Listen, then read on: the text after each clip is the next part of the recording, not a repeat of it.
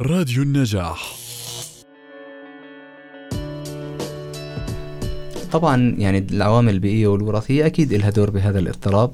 الدراسات بتثبت إنه الأشخاص اللي بينصابوا بنوبة الهوس أو بالاضطراب ثنائي القطب بيكون بالغالب عندهم أقارب آه، أصيبوا بهذا الاضطراب فالوراثة لها دور والبيئة لها دور.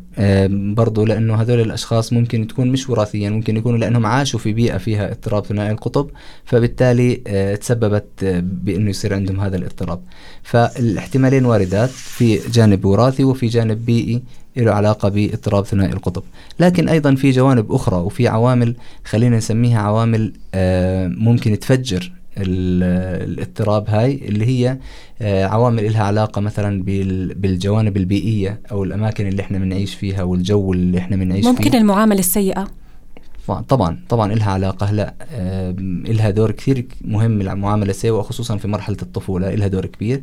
آه، لكن في جوانب بيئية ثانية يعني غير يعني مثل البيئة بشكل عام مثل الناس اللي بيعيشوا في مناطق مشمسة أو عالية الشمس فيها متكرر موجودة دائما أو النهار فيها طويل مثلا هذول ممكن تكون عندهم فرص لأنه تكون عندهم نوبات المانيا أعلى أو الإصابة بنوبات المانيا أعلى. برضو بالجوانب الاجتماعية لها دور كبير اللي هي التربية والتنشئة مهمة جدا وخصوصا البيئات اللي فيها الإهمال أو فيها التناقض. يعني مثلا حدا من الأهل بيحفز إنه يكون الإبن نشيط بالمقابل حدا ثاني بيحفز إنه يكون الإبن كسول وخامل وهادئ وما بعرف شو بس لكن بأشياء مبالغ فيها.